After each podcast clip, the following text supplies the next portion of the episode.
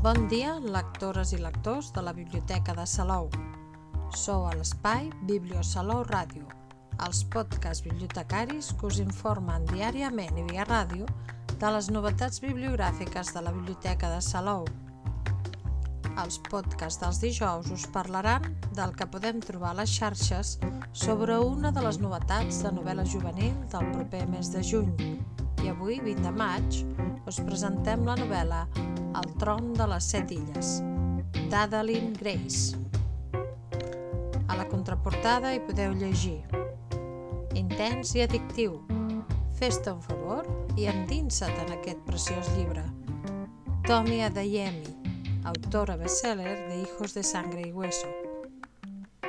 La millor novel·la de fantasia de l'any. Fancy Dead.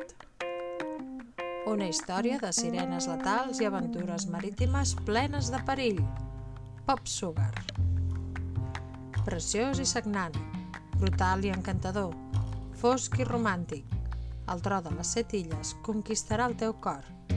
Astrid Shaw, autora de La muerte de les quatre reines. A la solapa de la coberta hi podeu llegir. Ella regnarà, com a princesa del regne de Visíria, l'Àmora Montara ha dedicat tota la seva vida a entrenar per ser gran animat, mestre espiritual. Tothom al regne pot triar la seva màgia, però per l'Amora mai ha estat una elecció. Per assegurar el seu lloc com a hereva del tron, ha de demostrar el seu domini de la perillosa màgia espiritual. Quan la seva demostració es torça, l'Àmora es veu obligada a fugir. Fa un pacte amb en Bastian, un misteriós pirata. Ell l'ajudarà a demostrar que és digne del tron si, a canvi, ella l'ajuda a recuperar la seva màgia robada. No obstant això, navegar pel regne portarà més sorpreses i perills de les quals l'Àmora havia imaginat.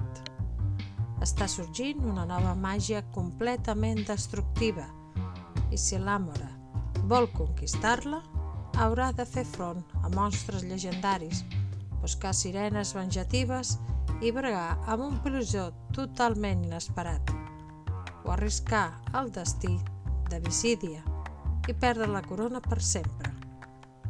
Soc l'elecció adequada, l'única elecció, i jo protegiré el meu regne.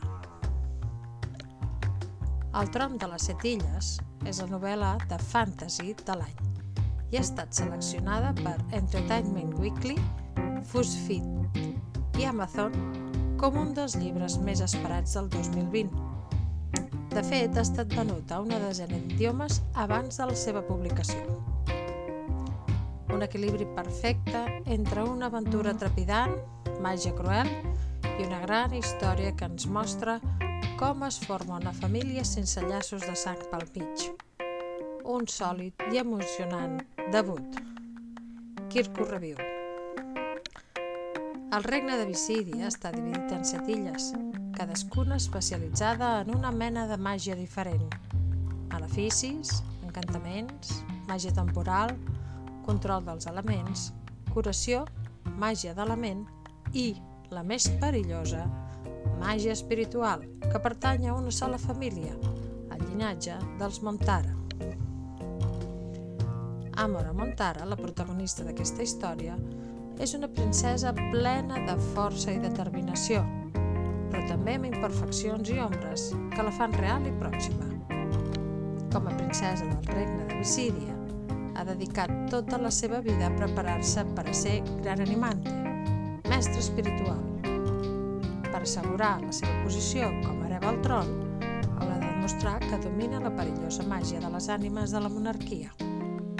Quan la seva demostració es torça, Amora haurà de fugir i acabarà fent un pacte amb Bastian, un misteriós pirata. Al costat de Bastian, descobrirà la història del seu llinatge, la situació de les illes del seu regne i el gran perill al qual haurà de fer front més aviat del que li hauria agradat, una nova màgia destructiva. Aquesta història de fantasia és una gran aventura entretinguda i fresca que posseix l'essència de les històries de pirates. duels amb espases, vaixells màgics, feres aquàtiques, sirenes i polissons. Si bé és cert que no hi ha gran diferència respecte a altres novel·les del mateix gènere, està a l'alçada de les millors que s'han publicat. L'autora posseix una prosa senzilla però molt detallada, imprescindible per a recrear aquest ambient oceànic i amb la qual aconsegueix també captar l'essència dels seus personatges i el que va esdevenint en cada capítol. El llibre ha estat publicat en català i castellà per l'editorial La Galera Young i pertany a la col·lecció Lluna Roja. Té un total de 408 pàgines organitzades en 35 capítols i està recomanat per a lectors i lectores a partir de 14 anys. A Argus, el catàleg de la xarxa de biblioteques públiques de Catalunya, trobareu el llibre en català i en castellà. Adeline Grace es va graduar a l'Arizona State University.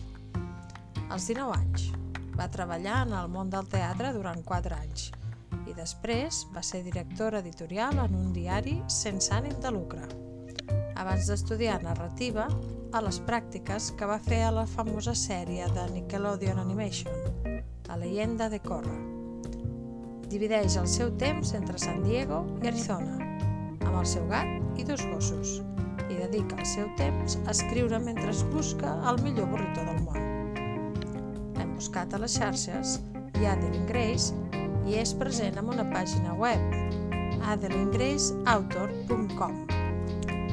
També la trobareu a Twitter arroba Adeline Grace guió baix i a Instagram arroba autor Adeline Grace. I fins aquí el podcast d'avui, però tenim més novetats de novel·la juvenil que anirem descobrint cada dijous. Que tingueu molt bon dia i molt bones lectures que us acompanyin en el dia a dia.